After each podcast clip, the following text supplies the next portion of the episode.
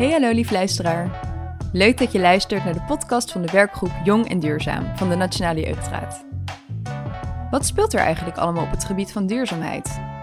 Hoe kan jij kleine aanpassingen doen in je eigen leven om zo jouw steentje bij te dragen aan een duurzamere wereld? En hoe zit het eigenlijk met systematische verandering? Hebben wij dat in de hand of moeten we daarvoor aankloppen bij grote bedrijven en de politiek? Het zijn precies deze vragen die wij met behulp van experts omtrent verschillende duurzaamheidsthema's zullen beantwoorden. Wij zijn Josta, Helene en Marit en wij kunnen niet wachten dit verder uit te pluizen. Luister jij mee?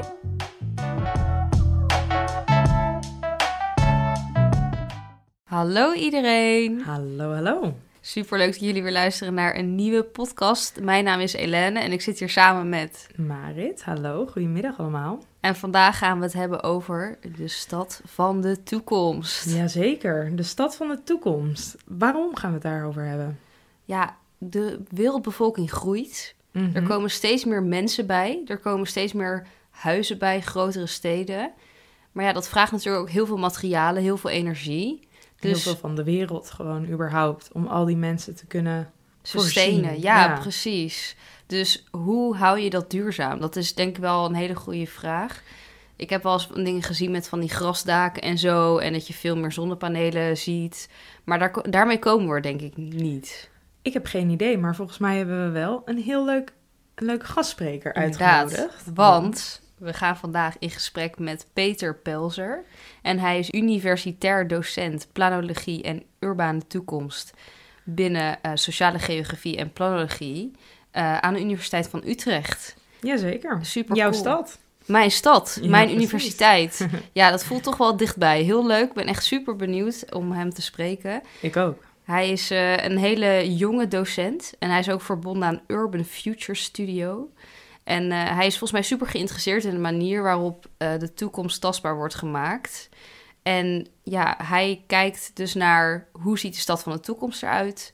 Ja. Zonder fossiele brandstoffen, met meer duurzame energie en circulaire economie op alle vlakken eigenlijk. Dus het vat heel veel samen van de eerdere gesprekken die wij al hebben gehad. Eigenlijk wel, want in de stad van de toekomst komt natuurlijk alles samen uiteindelijk. In, in de ideale zin zeker. Ja, Ja, dan heb je in de stad van de toekomst heb je alles. Heb je een, een goed klimaatdieet. Heb je perfecte manieren om je afval te deponeren. precies. Heb je goede energie. Ja, inderdaad. Dat ook nog eens. Duurzame kleding. Jazeker. Dus ik denk dat dit, eh, dit wordt heel leuk om het hierover te hebben. Ja, maar laten we eerst beginnen met... Maar ik weer- weet er wel heel weinig vanaf. Ja, dus ik ga je weer lekker voor het blok zetten met een paar quizvraagjes. Ehm, ja, en we, we beginnen met de volgende. Voor hoeveel procent van de broeikasgassen zijn steden verantwoordelijk? En dan heb ik drie opties eh, voor je. A, 35 procent. B, 70 procent. Of C, 57 procent. Oké. Hmm, hmm, hmm. De gedachte in mijn hoofd is: oké, de helft van de mensen woont in de stad en de helft van de mensen op het platteland. Dat is absoluut niet waar. Maar omdat je zo die tweedeling hebt, zou ik richting 50% gaan. Maar dan komt even de logica aan bod. Veel meer mensen wonen in de stad, veel Ja. minder mensen op het platteland. Dus ik ga gewoon voor het hoogste getal. 70 procent? Jazeker. Ja, dat klopt. Dat is wel heftig. Ja, en nog een leuk feitje erbij. Stedelijke nederzettingen, dus steden Mhm. gewoon, zijn verantwoordelijk voor tot 70% van de broeikasgassen, terwijl ze slechts 2% van het grondgebied van de wereld bezetten. Ja, daar kan ik me ook wel weer iets bij voorstellen. Als je in de stad loopt, dan eh, zie je soms, eh, nou ja, meestal niet in de binnenstad, maar eh, in een buitenwijk van een stad loopt, dan zie je soms flatgebouwen. En dan denk ik, hoeveel, hoe, hoeveel mensen zijn dat op hoeveel vierkante meter? En dan valt dat in Nederland altijd nog best wel mee. Inderdaad, want als je kijkt naar Chinese steden bijvoorbeeld, ja, dat is echt chockerend groot. En Amerika bijvoorbeeld heeft ook echt een paar van die enorme steden. Ja, er wordt natuurlijk superveel uitgestoten, superveel verbruikt. ja. Maar het is wel efficiënt qua ehm, ruimtegebruik. Qua ruimtegebruik ook. En dat is zo interessant. Want Peter die ehm focust volgens mij zich daar ook heel erg op van de indeling van de stad. Ja. Dus hoe zorg je ervoor dat je toch goed indeelt en efficiënt, maar toch op een duurzame manier? Dat vind ik wel heel interessant ook inderdaad. Ja, Ja, en je moet dus heel erg gaan kijken naar circulaire economie. En dat is waar de volgende vraag over gaat. oké. Want Nederland heeft ook een doelstelling daarvoor, over wanneer ze zelf circulair willen zijn. Mhm. Dus in welk jaar denk je dat Nederland als doel heeft gesteld om volledig circulair te zijn? A. 2040, B. 2050 of C. 2060? Ik had gedacht dat een van de antwoorden 2030 zou zijn. Omdat natuurlijk heel veel van de klimaatplannen Ja, tot nu toe zich richten op 2030. dat dus is wel zo, ja. dat eh, zou ik denken. Dus dan ga ik voor eentje daarboven, 2040. Het is 2050, Oh, dus nog tien Oké. jaar langer. oké. ja. Maar wat je zei over 2030 zit wel iets van een waarheid in. Want de Nederlandse overheid heeft de ambitie om in 2030 op 50% circulair te zijn. En volledig in 2050. Ja, oké. Dus dan hebben we nog Hmm. 20 jaar om naar die volledige circulaire economie te gaan. Ik vind het een hoog streven. Jij? Wat voor implicaties heeft dat voor je dagelijks leven? Dat, daar kan ik me nu even nog niks bij voorstellen. Nee, hè? Van hoe dat dan precies verandert voor ons. Ja, precies. Ja. Nee, dat, eh, ik ben heel benieuwd. Dus ik, heb, Ja. ik kan er nog geen oordeel over Nou, doen, we gaan straks ik. even aan Peter vragen ook inderdaad van wat de veranderingen zijn voor de mensen die dan in zo'n stad leven. Want dat is wel een goede inderdaad. Wat Ja. dat betekent dan voor ons? Ja, Eh, en dan gaan we wel weer naar de laatste vraag. In 2018 heeft Arcadis de Sustainable Cities Index opgesteld. Op basis van de drie dimensies van duurzaamheid: de aarde, de mens en de economie. Mhm. Welke stad denk je dat er naar voren kwam als meest duurzaam? In 2018 was dat A. Zurich, Mhm. B. Singapore of C. Londen? Oeh, dat vind ik lastig. Ik neig naar eh, Zwitserland, dus, dus Zurich. Ja, dat dacht ik ook, maar het is dus Londen. Oh, dat meen je niet. En dat Oh, was dus wel ik in 2018. echt niet verwacht. Nee, hè? Nee. Maar dat was wel in 2018. Ik weet niet wat het nu is, maar daar kon ik geen recente data van vinden. Nee, ja, maar goed, dat is alsnog... eh, ik had Londen misschien wel als laatste bedacht. Ja, maar ik, Wat inderdaad, leuk. ik had ook helemaal niet verwacht dat Londen zo duurzaam was, inderdaad. Nee. Superleuk. Ja, over die steden nog. Wat eigenlijk wel bizar is, vond ik, is dat het in de stad Mhm. Wel tot 7 graden warmer kan zijn dan op het platteland. Ja. Dat is dan gemeten op basis van bebouwing, vegetatie, water, wind en schaduw, dat soort dingetjes. 7 graden. Ja, ik, ik zou willen zeggen, ja, dat heb ik altijd al doorgehad. En het is natuurlijk fijn om te horen dat het daadwerkelijk zo is. Maar wij, ik heb twee zusjes en dan hebben we het er ook altijd over... dat als we bij onze ouders zijn in de zomer... dat dat veel koeler is dan dat Want die als wonen wij op het in platteland? Ja, platteland, bij Utrecht in de buurt... maar eh, niet in de stad, zeker niet in de stad.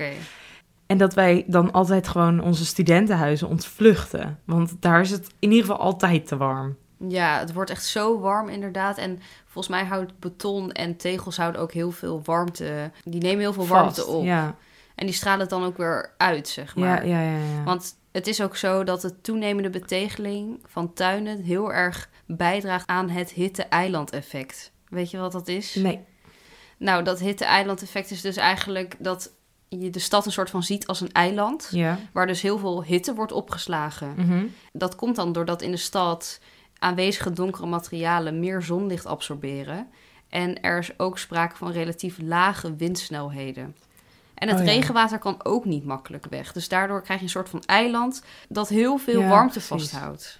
Ja, ik heb wel meegekregen dat dat de laatste, nou ja, wat zou het zijn? De laatste jaren dat dat heel erg een trend is geworden voor mensen om hun achtertuintjes of voortuintjes gewoon compleet te betegelen.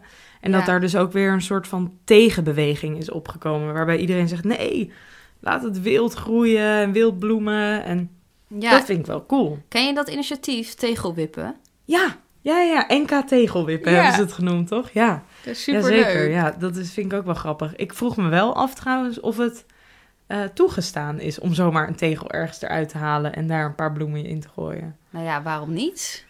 Nou ja, het is natuurlijk wel die- gewoon van de gemeente. Ja, die tegel is van iemand. Ja, die tegel is inderdaad van iemand, inderdaad. Maar even voor de luisteraars, kan je uitleggen van wat dat tegelwippen precies Ja, is? dat is dus een eh, initiatief tegen al die bestrating overal. En dan wat je eigenlijk kan doen is gewoon een tegel eh, uit de stoep weghalen en daar een paar eh bloemenzaden in doen of een Ja. plantje inzetten.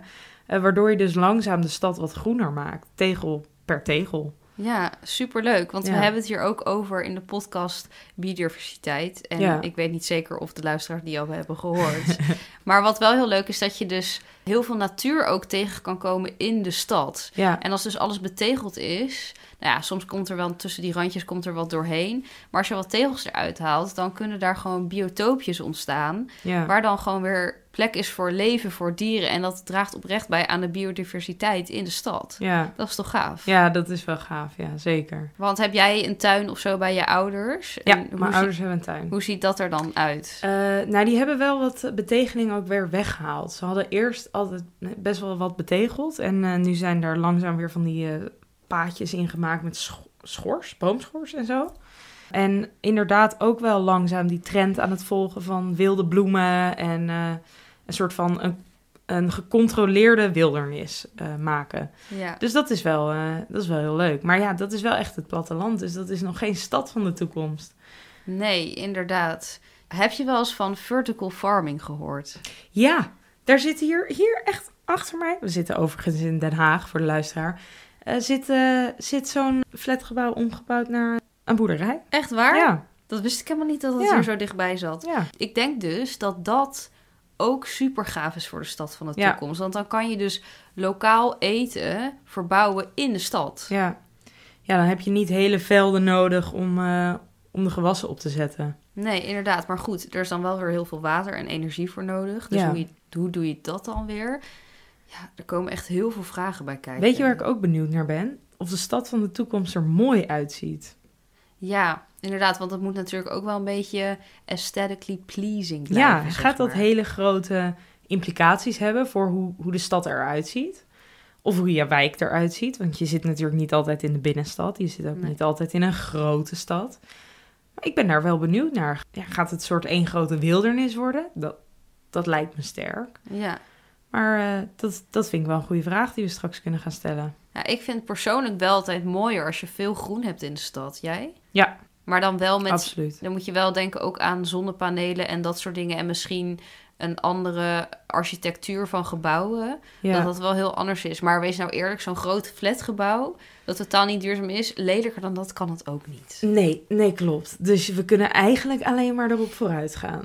Dat zou je eigenlijk wel zeggen, inderdaad. Ja. Ik vind het vooral heel gaaf hoe ze water opvangen en zo... Ja. met van die duurzame gebouwen. Ik weet niet of je dat Ja. wel eens hebt, hebt gezien. Ja, zeker. En dat is dan ook helemaal circulair... dat je regenwater weer kan gebruiken om te douchen of zo... of de wc door te spoelen. Ja, ja. Of dat dat dan weer je planten water geeft. Ja, het is echt heel, eh, heel gaaf. Ja, ik denk wel dat het een hele opgave wordt. Want wat doen we met alle gebouwen die er dan nu staan, die niet duurzaam zijn? Ja, Halen we die dan gewoon naar beneden? Want, dat is ook niet echt en wat doen we duurzaam. dan met die materialen? Gooien we die dan gewoon ergens op een, een hoop dan weer?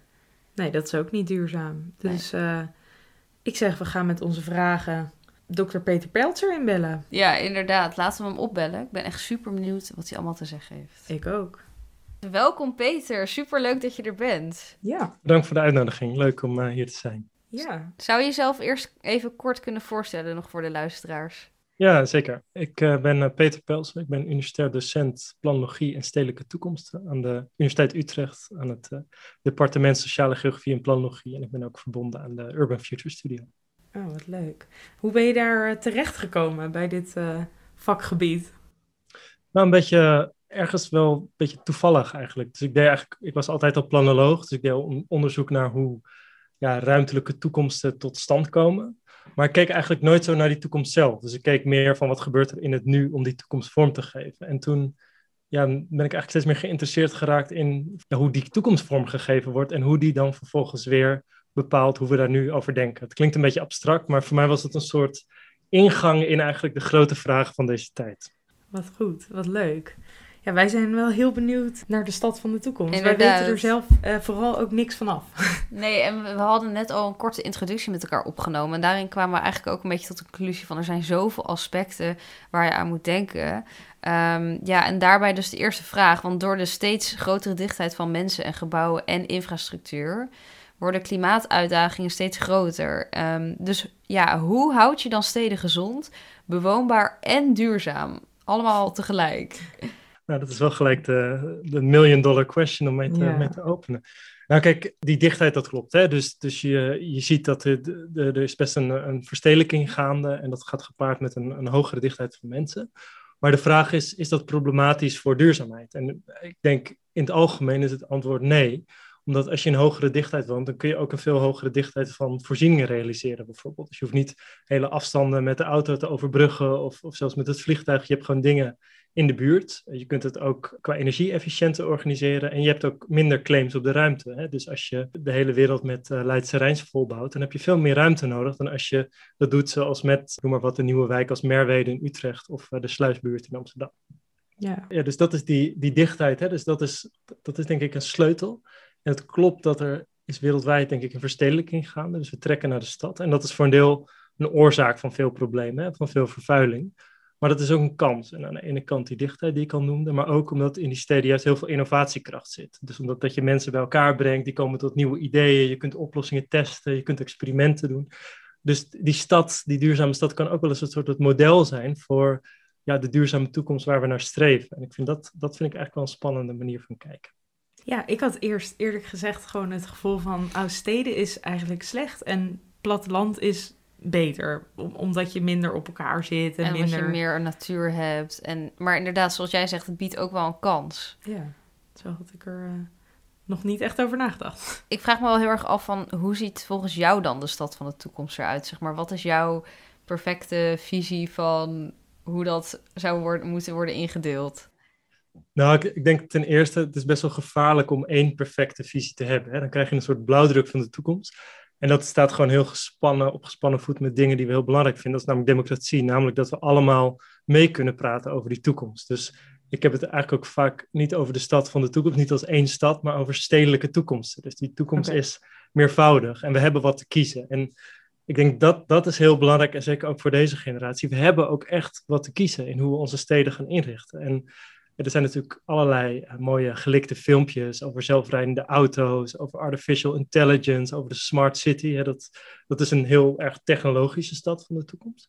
Dat zou kunnen. Maar misschien vinden we andere dingen wel heel erg belangrijk die we nu niet voldoende benoemen. Misschien willen we wel veel meer ruimte op straat en minder parkeerplekken. Misschien willen we wel meer groen. Misschien willen we elkaar wel meer ontmoeten. En ja, ik denk je moet juist gewoon echt durven praten en, en, durven uitspreken hoe je wil dat die stad van de toekomst eruit ziet. En ik denk dat is wat we nodig hebben. En daarbij zitten er wel grenzen aan. Hè? Dus je hebt, we hebben het wel over planetaire grenzen. En we hebben het over het anderhalve graden doel of het twee graden doel. je moet natuurlijk wel nadenken dat je die, die steden zo maakt dat ze ook volhoudbaar zijn voor toekomstige generaties. Dus uh, dat is denk ik een, de eerste die meervoudigheid. En de tweede is toch de klassieke definitie van duurzaamheid is natuurlijk gelijkheid tussen generaties, gelijke toegang tot hulpbronnen. En zo moet je denk ik ook die stad heel erg zien. Van, hoe zorgen we dat die stad dat die over, over 100, over 200, over 300 jaar nog steeds op een goede manier functioneert. Zowel in wat het doet met de aarde als geheel, dus de relatie tot het grotere systeem, als die stad zelf. Dat, niet, eh, dat zie je met veel wijken die na de Tweede Wereldoorlog gebouwd zijn. Die zijn eigenlijk nu wel een beetje op, die zijn in fysiek niet meer, niet meer zo'n goede staat. Ja, je wil juist die stad meer als een soort organisme ziet, dat, zien dat eigenlijk steeds beter wordt naarmate de tijd vordert. Um, dus dat is heel erg dat lange termijn perspectief. En ik denk dat dat hebben we veel meer nodig in het denken over die stad van de toekomst. Maar je zei net uh, dat we wel wat te kiezen hebben. Maar wat ik me dan afvraag is, waar liggen die keuzes dan? Dus wie gaat eigenlijk over de stad van de toekomst? Ja, dat is een goede vraag. Kijk, uh, dat zijn denk ik twee dingen. De ene kant, wat, wat, is er te kiezen? Daar kom ik zo op terug. En wat je, waar je mee eindigde, is meer de vraag van hoe organiseer je dat eigenlijk democratisch? Hè? Ja. En wat je eigenlijk ziet, is denk ik dat heel veel keuzes niet open en transparant zijn. Dus we hebben ook best een, een manier van ordenen die best marktgericht is. Hè? Dus bij gebiedsontwikkeling, dan wordt heel veel door Excel-sheets bepaald.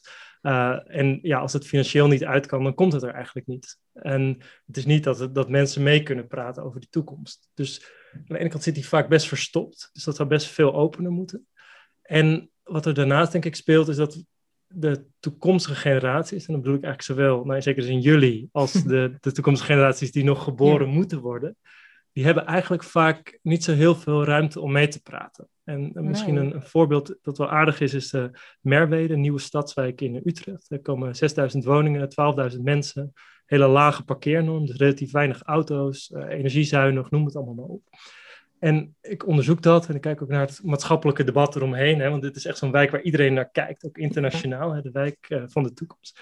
Maar wat je dus ziet in het debat en op, uh, op televisie en zo, dan gaat het heel vaak bijvoorbeeld over de uh, woonbootbewoners die nu in het, aan het Merwedekanaal wonen en die moeten weg. Het gaat ja. vaak over de fietsbruggen die over het Merwedekanaal komen om die wijk te verbinden. En dan zijn buurtbewoners zijn heel boos en woonbootbewoners zijn ook boos dat ze weg moeten. En dat is op zich heel terecht en valide hoor, vind ik. Dat, dat als je ja, je directe leefomgeving wordt aangetast, ja, dat je daar wat van vindt en dat je je uitspreekt. Maar wie je in dat debat niet hoort, zijn die 12.000 toekomstige inwoners van die wijk. Misschien ja. allemaal mensen die nu studeren en dan als starter denken, nou, ik zou best een appartement in die wijk willen hebben. Ik wil daar ook best wat over mee te zeggen hebben. En dat, dat is denk ik wel, dat, dat voorbeeld is emblematisch in die zin dat het wel staat voor een breder probleem in het denken over die stad van de toekomst. Dat het is vooral de mensen die er nu belang bij hebben die meepraten. En de toekomstige generaties, die hebben eigenlijk nauwelijks een stem. En ja, dat, daar zit wel echt, daar moeten we denk ik iets gaan openbreken. Want uh, anders dan denk ik, dan komen we nooit bij die, die zo gewenste, meervoudige uh, steden van de toekomst. En, en ja. buiten wat we nu al kennen eigenlijk. Ja, want nu wordt het, zou je zeggen, daar misschien heel erg door tegengehouden. Door die meningen die er nu zijn in het heden. Wordt die visie voor de toekomstige steden eigenlijk een beetje op stop gezet? Of... Ja, kijk, kijk je, het is natuurlijk participatie in behouden wat er is. Dat is makkelijker dan participatie in verandering, in het onbekende. Ja. Hè? Dat, dat is het ingewikkelde natuurlijk. Dus je moet, we zitten natuurlijk natuurlijk, dat is mijn diagnose. Hè. Er wordt wel gezegd, het is een, de, de klimaatcrisis is een crisis van de verbeelding. Hè. Dus we kunnen ons eigenlijk het, het, goede leven niet meer voorstellen. En dat een uh, Indiaanse schrijver als uh, Amitav Ghosh zegt dat. Hè, die zegt, ja, het probleem wat we nu hebben is dat we kunnen die klimaatcrisis niet doorgronden. Omdat we daar eigenlijk met een hele individualistische lens naar kijken. We moeten veel, veel meer als een soort de, de stad of de wereld als een soort natuurlijk systeem uh, gaan zien.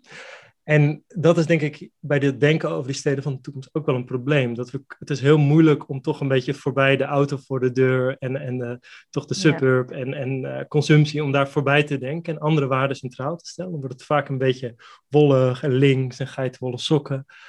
En daar is eigenlijk niet echt een goed verhaal. Terwijl daar nog wel heel veel verbeeldingsruimte zit eigenlijk. En ook best realistisch als je gewoon een, ja, het, het anderhalve graden doel serieus neemt. Dan kunnen we denk ik niet doorgaan op de, de huidige voet.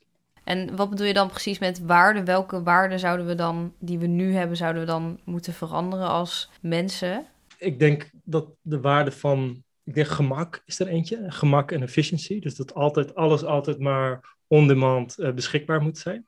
De, ten koste van anderen. Hè? Dus, dus dat zie je natuurlijk een beetje bijvoorbeeld met, met auto's of, of taxidiensten. Dat is heel prettig als consument. Maar als je aan een, aan een weg woont, eh, dan heb je de overlast. En dat, ja, dat, die waarde, een soort van gezondheid of, of rust en stilte, die, die legt het dan af tegen het gemak uh, van anderen. Dus dat, dat is denk ik één.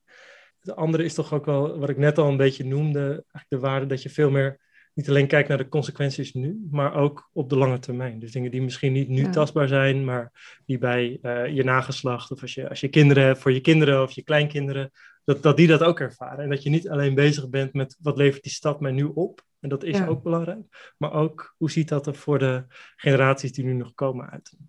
Ja, ik kan me dat wel voorstellen hoor. Ik heb dat zelf ook wel met klimaatproblemen of duurzaamheidskwesties, dat ik in het grotere idee wil ik heel graag dat het opgelost is. Maar de eigen oplossingen uitvoeren vind ik uh, dan, als daar een keuze gemaakt moet worden, dan vind ik dat nog wel eens best wel moeilijk. Bijvoorbeeld consequent vegetarisch, veganistisch eten. Dan zeg maar, als de keuze gemaakt moet worden voor het grotere goed.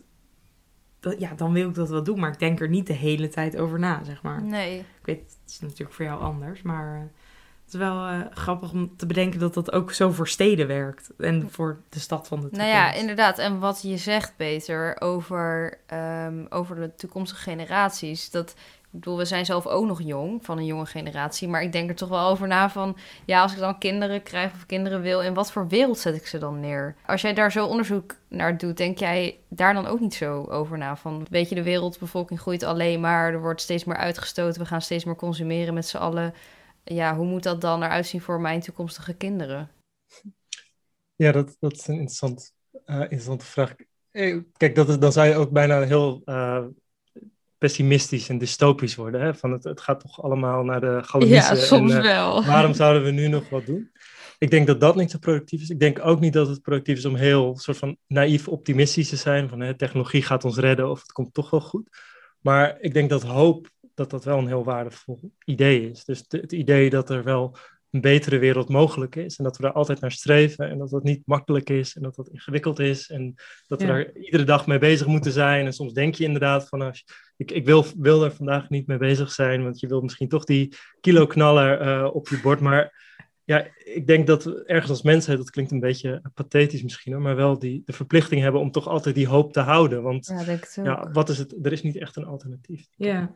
Ja, en in die duurzame steden is circulaire economie een heel groot thema. Maar wat is circulaire economie precies en waarom denk jij dat de inzet ervan zo essentieel is voor de steden van de toekomst? Denk je dat überhaupt?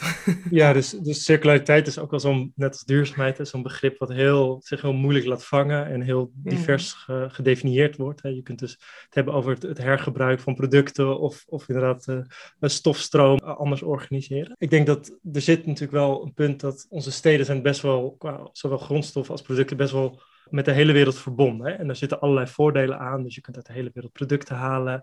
Maar het nadeel is dat je dus eigenlijk helemaal geen verbinding meer hebt tussen wat geproduceerd wordt en geconsumeerd wordt. Ja, En dat zie je denk ik heel erg met voedsel. En dat, dat komt eh, uit varkensstallen in eh, Brabant of uit, eh, uit Peru of uit Egypte komen, komen de boontjes of uit Kenia.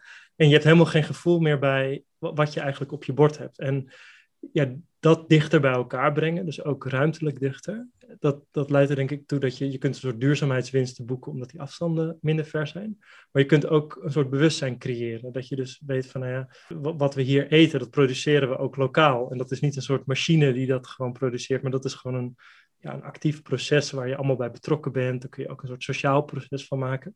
Ik denk dat die, de stikstofcrisis, of eigenlijk is een biodiversiteitscrisis, dat is preciezer, die we nu hebben, dat, dat komt ook wel een beetje doordat er gewoon twee gescheiden werelden zijn. Hè? Dat zijn de, de, de D66 en GroenLinks-stemmers in de steden. En je hebt dan mensen aan, de, aan de, in andere delen van Nederland die in een totaal andere wereld leven en andere politieke voorkeur hebben. Maar dat komt ook omdat je eigenlijk totaal langs elkaar heen leeft. En ja. ja, dat is misschien breder dan circulariteit alleen, maar ik denk dat door in ieder geval ook die stromen meer lokaal te verbinden, dat je dat ook cultureel anders kunt organiseren. En een ander voorbeeld dat eraan raakt is denk ik die energietransitie. Hè? Dat is natuurlijk een van de ehm, grote vragen van deze tijd.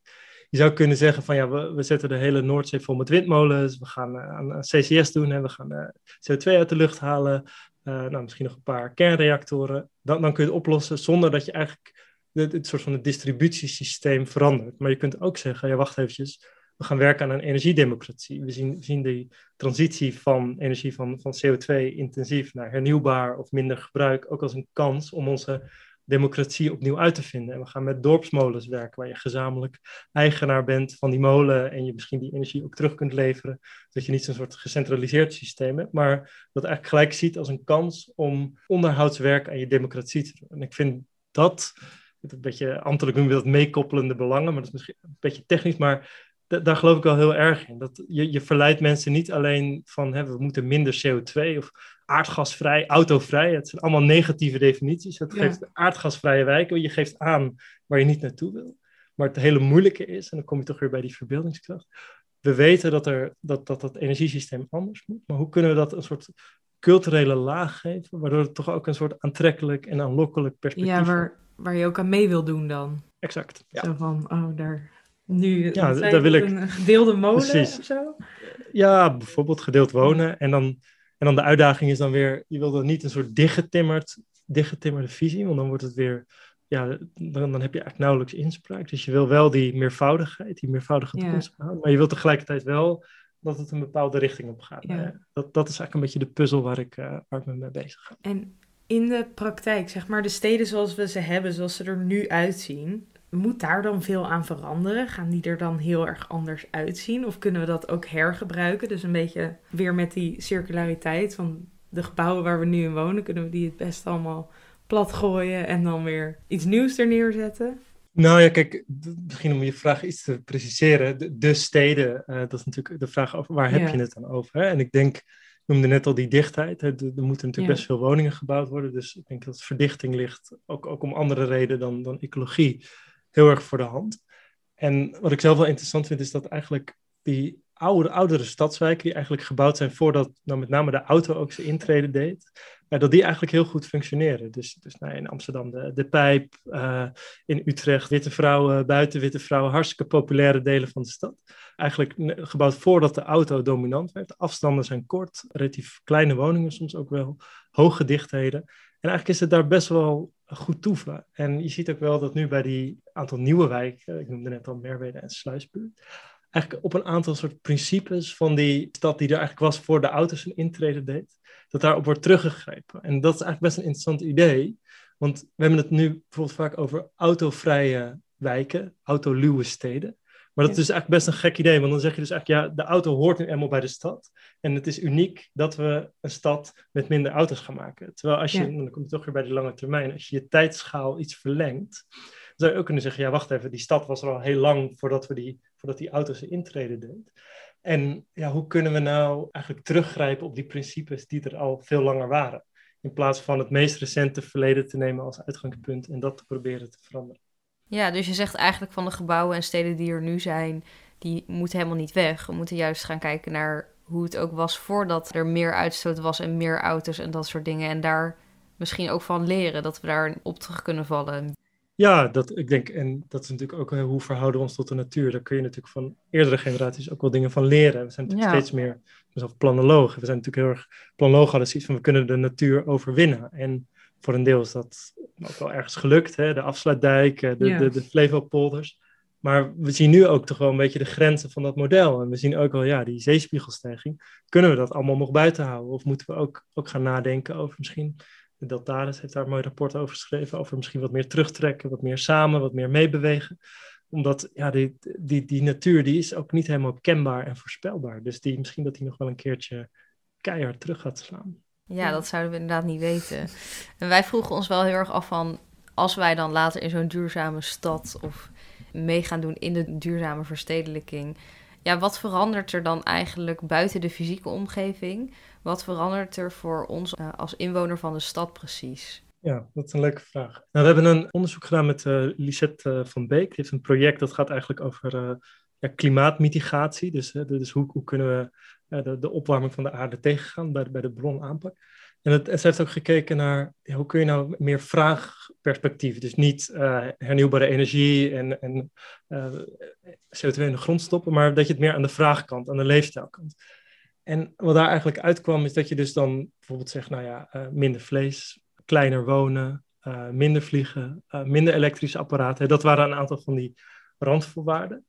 En ik denk wat het ingewikkeld is, nu wordt dat vaak dan gezien als een leven van minder. Hè? Dus we hebben nu zoveel uh, consumptie en allerlei producten en ja, hierdoor wordt het minder.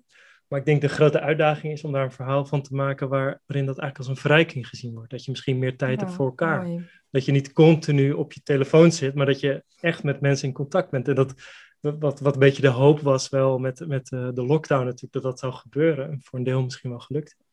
Dus het is dan denk ik op zoek naar, naar andere waarden. En dan niet, niet zeggen van ja, het is puur negatief dat we minder energie gebruiken. Maar zie dat ook als een kans. En ik vind zelf wel, uh, ik ben zelf niet, uh, niet gelovig, maar ik, vond, ik vind het idee van de zondagsrust wel mooi. Dat je dus zegt van nou ja, op zondag doen we even rustig aan en hebben we tijd voor de familie. Dat je dus niet altijd alles ja. maar doorloopt, maar dat, er, dat je momenten inbouwt. En ja. dat, dat is dan ook wel een interessant bruggetje, dat is dan meer de aanbodkant van energie.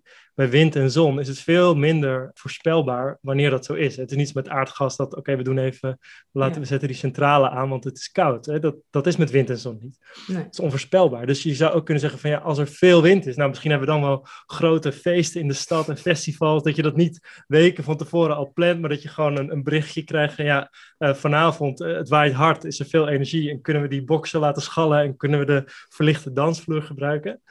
Ik vind dat best een spannend idee, dat je dus veel meer meebeweegt met de natuur, omdat je daar ook meer ja, andere ankerpunten in je week krijgt. En ik denk dat, omdat we leven nu toch in een wereld waar alles altijd continu gaande is en je staat altijd aan, hè, om het zo maar te zeggen. Ik denk we moeten op zoek naar nieuwe manieren die aan de ene kant beperken, maar juist door dat beperken nieuwe mogelijkheden openen. Ja.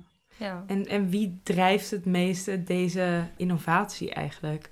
Als je dus, dus zo'n even zo'n ver weg idee van oh, het waait vanavond, kom nu, eh, nu kunnen we de verlichte dansvloer gebruiken. Gaat dat eh, uit studenten met grappige ide ideetjes komen? Of uh, gaat dat uit een soort centrale besluitvorming gestimuleerd worden om dat soort innovaties?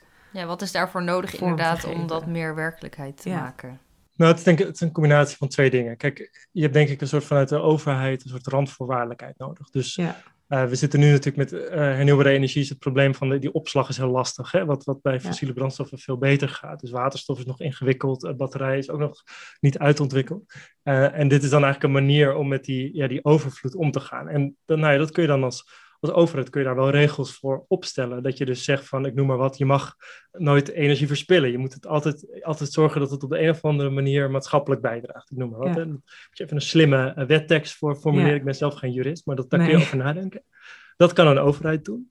Maar een overheid moet, gaat natuurlijk niet zeggen, ja, wij gaan, wij gaan een, spannend hip festival organiseren. Hè? Dat, Nee. Daar zouden jullie niet, eh, niet voor op de banken komen, denk ik. Dus Nee. dat moet je veel meer, denk ik, uit de maatschappij laten komen. Echt het initiatief, de ideeën, wat het dan wordt, de energie. Ja. En een overheid is daar, denk ik, in belangrijke mate randvoorwaardelijk in. Dus die stelt eigenlijk de, de kaders waarbinnen dan eigenlijk allerlei maatschappelijke initiatieven op een, eh, op een mooie manier tot ontplooiing kan komen. Ja, nog even om terug te komen op dan inderdaad hoe, wat betekent het voor de burgers, zo'n duurzame stad?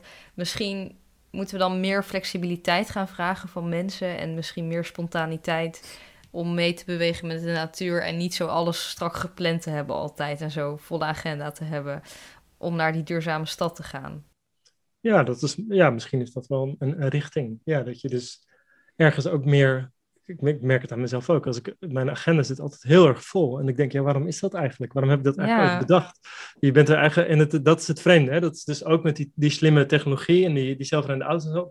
Soms denk je niet meer na over waarom je ergens terecht bent gekomen. Hè? Een beetje de kikker. eh, Dat, dat, ik weet, de metafoor schijnt niet helemaal, het echt niet te kloppen. Maar die kikker in die pan met kokend water. Als je hem erin gooit, dan springt hij eruit. En als je hem in koud water stopt en het, het fornuis aanzet, dan, dan blijft hij in die pan zitten tot het water kookt. Ik was ook wel eens gehoord dat kikkers eh, er wel degelijk uitspringen. Dan, maar het gaat om de, om de analogie dan natuurlijk. Van ja, weet je nog eigenlijk wat je wil? Of, of ben je gewoon zo met andere dingen bezig dat die soort van het visie op het goede leven, dat die eigenlijk vertroebeld is. Dus ik denk de, het denken over de goede stad, eh, de, de, de stad van de toekomst, zou eigenlijk ook moeten gaan over het denken over het goede leven. In wat, Ja. wat, hoe willen we wonen? Hoe willen we met elkaar samenleven? En niet alleen ik als individu, maar ook hoe doen we dat? Ja, samen? dus Ja. eigenlijk veel meer filosofisch en sociaal misschien. Ehm, ja, maar daar is het systeem eigenlijk nu, naar mijn idee, helemaal niet op ingericht. En veel meer individualistisch en veel meer kapitalistisch en dat soort dingetjes. Zo Red race-achtig. Ja, dus welk beleid en wat voor wetten zijn er dan ook voor nodig om duurzame steden op zo'n manier in te richten? Want ja, zo gaan we voor mijn idee nu helemaal niet om met het leven.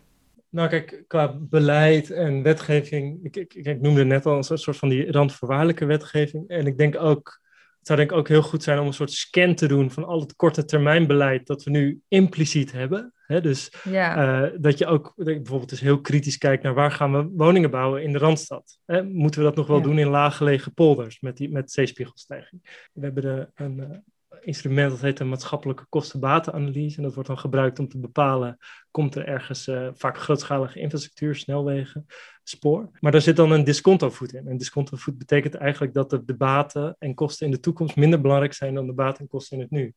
Dat is een soort economisch idee, maar dat is eigenlijk ja, filosofisch best gek. Dat je dus zegt, iemand die Ja. over 30 jaar in die trein zit, de, de reistijdwinst die die heeft, vinden we minder belangrijk dan die reistijdwinst van iemand die daar volgend jaar in zit. Dat is best een gek idee. En dat zijn eigenlijk allemaal, daar hebben we het eigenlijk nooit allemaal soort van, dat zit allemaal een beetje onder de motorkap. Alle assumpties die gaan, die heel erg het korte termijnbeleid simuleren. Dus ik denk dat, ik denk dat je daar heel erg naar moet kijken van wat is dat en hoe kan dat anders. Dus we Ja. hebben heel erg moeite om, om met een soort alternatief beeld van de stad te komen. Het wordt al snel een beetje zo, eh ja, eh, geitenwolle sokken. En we kunnen eigenlijk niet een soort mooi beeld van, van de, de postfossiele stad eh, weergeven. Dus daar is echt gewoon heel veel verbeeldingskracht voor nodig. Kunstenaars, ontwerpers, studenten, daar moet eigenlijk iedereen over meedenken. Dus dat, dat is denk ik belangrijk. En tot slot, dat is misschien meer, net als presentatie, meer representatie. Dus eigenlijk dat je ook toch moet nadenken van ja, hoe hebben we onze democratie eigenlijk georganiseerd? En dat werken met die vierjarige cycli, dat werkt op zich vrij goed in het uh, behartigen van de belangen van huidige generaties. Maar heeft dat niet een soort ja, uh, stutting eigenlijk nodig, ondersteuning om te zorgen dat dat ook gaat werken voor toekomstige generaties. En Ja. dat een, een wethouder daar ook op afgerekend wordt. Dat hij het belangrijk vindt om ook niet alleen lintjes door te knippen, maar ook de, de geschiedenisboeken in te gaan als iemand die bijgedragen heeft aan, aan de lange termijn van die stad. Ja. En er zijn wel meer ideeën over. Je hebt een, een Delta-commissaris bijvoorbeeld, er zijn allerlei future councils. Dus ik denk dat we ook, ja, het is een soort, soort sturingsvraag, dat, dat we ook heel erg moeten nadenken van ja, hoe, hoe, hoe kunnen we nou zorgen dat we die, dat, dat toch korte termijn denken, wat ook heel erg in onze demo, electorale democratie zit, dat, dat we daar een soort aanvulling en versterking van organiseren. Ja, dus toch meer gaan focussen op de lange termijn. En ja, inderdaad meer toch denken aan de toekomst dan Ja, alleen wat we nu doen. Kan iedereen wel echt goed lange termijn denken? Ik Dat is wel een goede vind vraag. mezelf een goed voorbeeld van iemand die niet heel goed lange termijn kan denken. Nou, en Ja. zeker bijvoorbeeld in ontwikkelingslanden. Hè? Want het is voor ons relatief makkelijk nog om te denken aan duurzaamheid en aan te denken aan onze toekomst, hoe die eruit gaat zien in de stad. Maar ik denk, als je niet zoveel geld hebt, Ja. dan is het niet je prioriteit om daar je aandacht aan te geven, denk ik. Nee, kijk, dat is een goed punt. Je moet, je moet een bepaald, bepaald niveau van welvaart hebben om inderdaad de luxe te hebben om over de toekomst na te kunnen denken. Hè. Dus je hebt eh, de Kate uh, Raworth, wel steeds bekender, het idee van een donut-economie. Dus je hebt een soort planetaire grenzen buiten de donut, maar je hebt ook grenzen binnen de donut. Dus het moet ook wel, er moet een bepaald bestaansminimum zijn. En ik denk dat is wel een nuttige manier van kijken. En dat een aantal mensen gewoon echt nog ja, onder dat, behoorlijk veel onder dat bestaansminimum. Ja, die hebben wel andere dingen aan hun hoofd dan een beetje geleuter over de crisis van de verbeelding en andere vorm van democratie. Die willen gewoon dat, dat hun kinderen naar school kunnen, dat, dat er schoon water is, et cetera. Ja. Dus dat is, dat is denk ik heel terecht. En ik denk ook, je moet oppassen alles maar altijd bij het individu te leggen. Dat doe jij net ook een beetje. Van, het, ligt, het ligt aan mij, want ik, ik kan het niet. Ja. Het, je moet denk ik ook heel erg denken van hoe kun je als maatschappij de randvoorwaarden zo organiseren dat je ja, die lange termijn eigenlijk vanzelf een beetje inregelt eigenlijk. Hè? Dus wat we ook doen met accijns op tabak of alcohol, ja. maken dingen die slecht zijn voor de maatschappij als geheel, maken we duurder. Maar dat doen we niet altijd met dingen als energie en klimaat, zeker niet in Nederland. Ja. En dan haal je de verantwoordelijkheid ook deels weg bij het individu. En dan zeg je ook, ja, dat is juist ook wat je als overheid moet doen. Ja, ja dat zat ik ook nog wel over na te denken. Over bijvoorbeeld van die nieuwe gebouwen die nu worden gebouwd. Met een uh, soort van uh, tuinen aan de zijkant. En uh, heel veel groen en super toekomstgebouw echt. Van ja, daar gaan nu toch wel meer de mensen in wonen. Die wel veel meer centjes op de bank hebben. En niet zozeer ja. de mensen die net uit de schuldsanering zijn of zo. Dus ja, qua maatschappelijke uh, kansen en keuzes is dat ook nog wel een moeilijk uh, vraagstuk, lijkt me zo. Hoe Inderdaad. denk jij daarover? Ja, dat, dat, is, dat, kijk, dat, dat is een, een goed punt natuurlijk. Hè. Dat, dat duurzaamheid toch vaak een beetje iets is van de elite en de mensen die zich biologische producten en een uh, Tesla kunnen veroorloven. Ja, dat, dat is denk ik problematisch. Dus, dus je zal toch je ziet dat bijvoorbeeld ook sterk nu bij die uh, aardgasvrije wijken. Dat wordt dan vaak wordt begonnen, en dat is op zich heel logisch, in wijken met veel uh, woningbouwcorporatiewoningen. Dan kun je het in één keer aanpakken, dan ga je het niet te huis verhuizen. Maar dan kunnen die mensen in die wijk ook denken, ja, waarom wij eerst? Waarom niet die rijke mensen die, die toch al genoeg uh, centjes op de bank hebben om jou te citeren? Waarom, waarom beginnen we daar niet mee? En de truc is denk ik dat je heel erg dan kom je toch weer bij dat goede leven waar ik het net over had. Dat je zegt, ja, niet, niet alleen van we doen dit om de klimaatdoelen te halen of zoiets als abstracte als Parijs. Maar we doen dit ook gewoon om te zorgen dat die stad beter, leuker en prettiger wordt. Ja. En ik vind toch ook dat argument van voor de toekomstige generaties. Dat, dat we zeggen, ja, ja. kinderen, kleinkinderen of in ieder geval mensen die na je komen. Dat die ook een prettige wereld hebben om, om in te leven. Ik vind dat, dat vind ik wel een aansprekende manier van kijken. Ja, want hoe zou je dat dan nu doen met de misschien wat armere wijken die er ook nog steeds in Nederland zijn? Ja, hoe zou je duurzaamheid daar toegankelijk ma kunnen maken voor de mensen die daar nu wonen? En ook voor hun kinderen en hun toekomstige generaties? Nou, ik denk, je moet, je moet gewoon een, een duidelijk verhaal hebben. En dat is een beetje een open deur. En ik denk dat het belangrijk is dat, dat mensen het ook direct ervaren. Hè? Dus dat je bijvoorbeeld zegt van oké, uh, we gaan iets met energie doen en we gaan iets met mobiliteit doen. En uh, misschien we gaan met deelauto's werken en we gaan met, niet meer met aardgas werken, maar op een andere manier, all electric of uh, warmte koude opslag, wat je ook gaat doen. En daardoor merken mensen aan het eind van de maand, hé, hey, ik heb ineens meer geld over. En dat maakt voor mensen die met, met moeite de eindjes aan elkaar knopen, maakt dat gewoon heel veel uit. Ja. Dus dat je dan gewoon heel concreet zegt, ja, dit is niet alleen een manier om de toekomstige generaties te redden en de aarde te redden, Maar het, het wordt, je leven wordt er eigenlijk ook gewoon een stukje beter op. Of het wordt comfortabeler als je in een slecht geïsoleerde woning woont. Dat je daarna in een prettiger, uh, prettigere woning woont. Ik denk dat dat heel erg helpt als je meer dat soort hele concrete programma's hebt. Dat je heel erg moet nadenken, oké, stel de klimaatcrisis is een hoax, is allemaal bedacht, is niet waar, uh, we hebben er geen last van.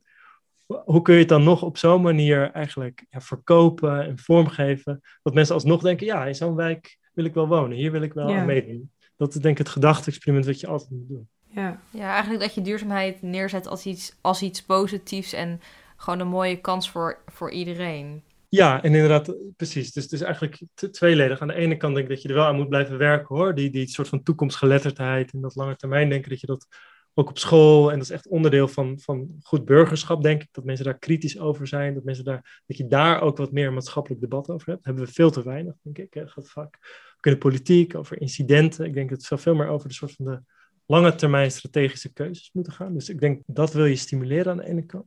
Maar aan de andere kant, als je dan inderdaad in zo'n ja, soort, soort, ingewikkelde situatie iets doet, kom dan niet alleen met een soort hoogover verhaal van nou, we hebben dit in Parijs afgesproken, maar ook gewoon concreet, ja, hoe gaan we deze wijk uh, verbeteren.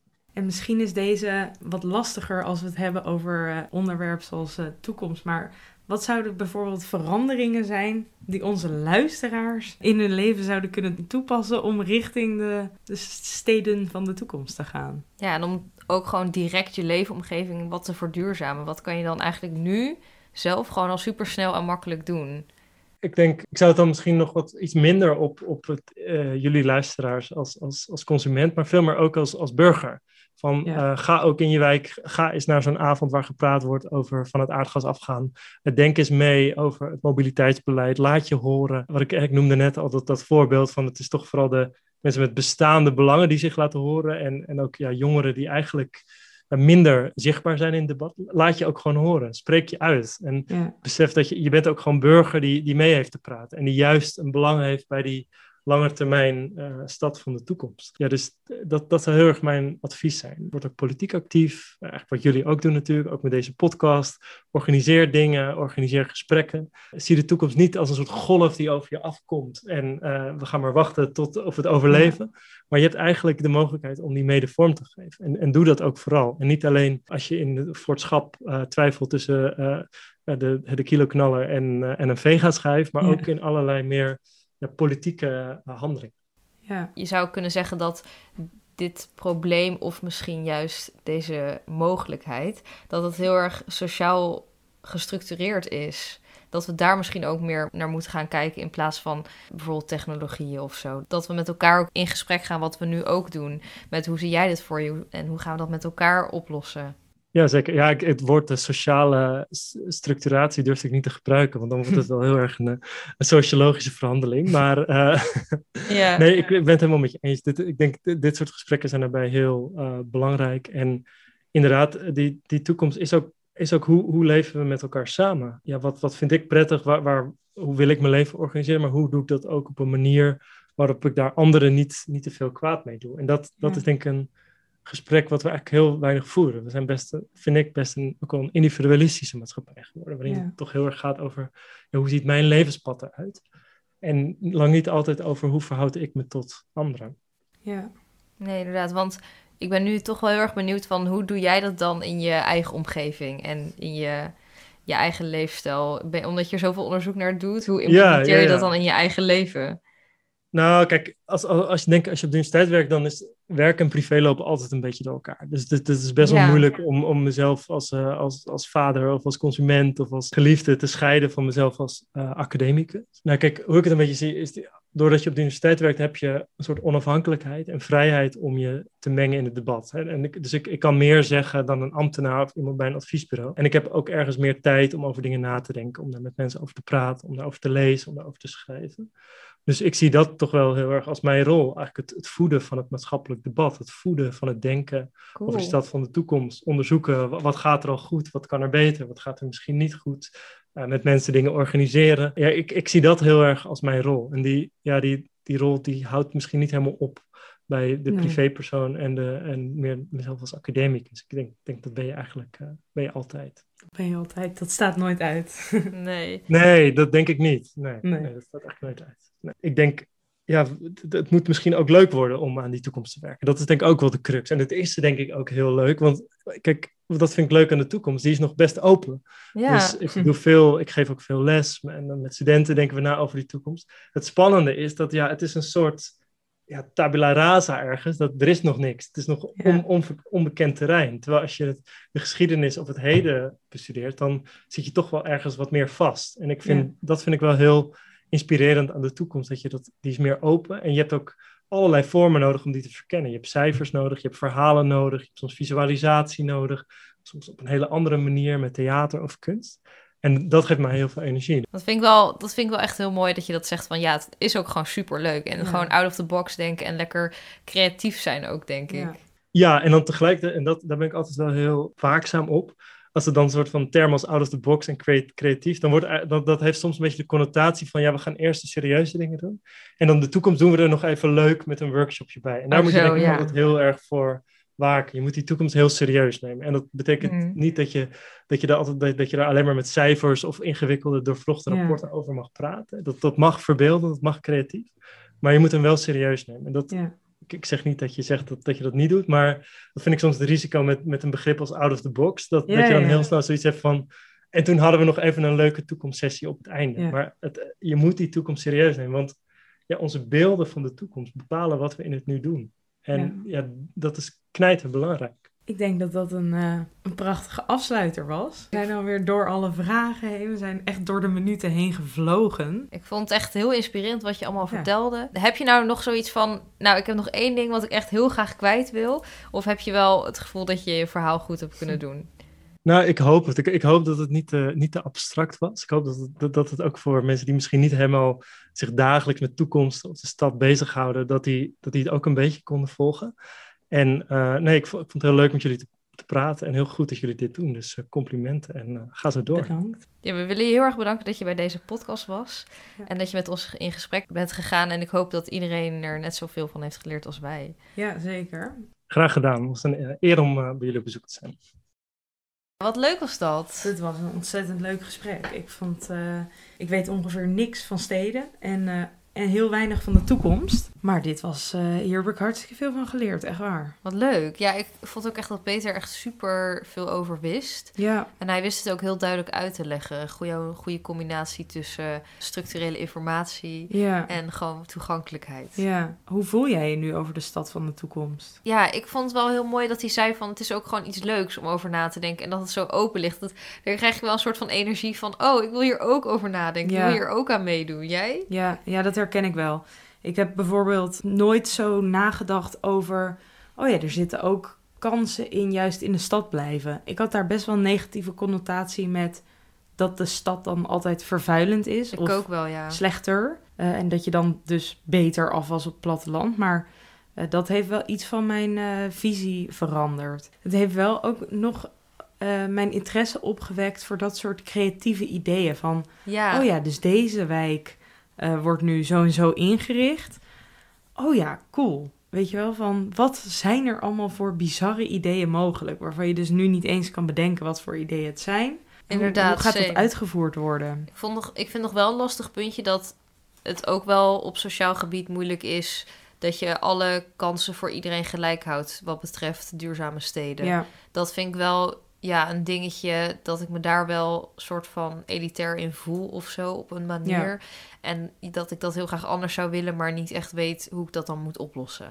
Ja, ben ik het ook mee eens. Maar wat dan ook wel weer hoopvol is, is het idee van het ligt dus niet bij jou per se, hè, deze Ja. structurele verandering. Juist laat je inspraak horen, juist, echt waar, praat mee over de toekomst. Maar de toekomst wordt dus wel afgekaderd door eh, nou ja, reguleringen en wetten en dat soort dingen.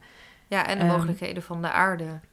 Ja, dat al helemaal. Maar klets mee waar kan, maar voel je ook niet schuldig daarover al te veel. Dat, dat moet ook gereguleerd worden, dat die kansen gelijk blijven voor iedereen. En wel een hele mooie vraag van hoe willen we met elkaar samenleven in verhouding tot deze wereld? Ja, En dat is iets waar iedereen over kan nadenken en Ja. waar iedereen iets mee te maken heeft ook. Dus ik dat had totaal niet verwacht dat we daar vandaag over gingen hebben. Ik ook niet. Nee. Nou ja, nu moet ik ook zeggen dat ik wel echt een leek ben daarin, maar is ik misschien had dat nog één- niet verwacht. Ik ook niet, maar het is misschien wel een van de belangrijkste vragen, omdat dat voor Ja. iedereen zo belangrijk is. ja, En hoe willen we dat met elkaar gaan aanpakken? ja. Dus, nou ja, als jullie daar ideeën over hebben, Laat Luisteraar. het weten. laat het inderdaad zeker even weten. Ja, misschien ben je wel op een bizar idee gekomen van, oh, dit moeten we echt doen en dit past in de stad van de toekomst. Dan zijn we er echt super benieuwd naar. Dus Ja. laat, laat vooral even achter ook op onze Instagram. Jazeker. En eh, zoek Peter ook eventjes op. Hij staat ook op de Universiteit Utrecht. En eh, wie weet, als je daar studeert, kan je nog een keer een vak bij hem volgen. Ik denk dat hij er heel veel van af weet. En als Ja. jullie nog vragen hebben of dingen die jullie kwijt willen, kan je ook altijd bij ons terecht. Vinden we alleen maar leuk. En voor nu bedankt voor het luisteren. Super En, bedankt. ehm, tot de volgende. Tot de volgende.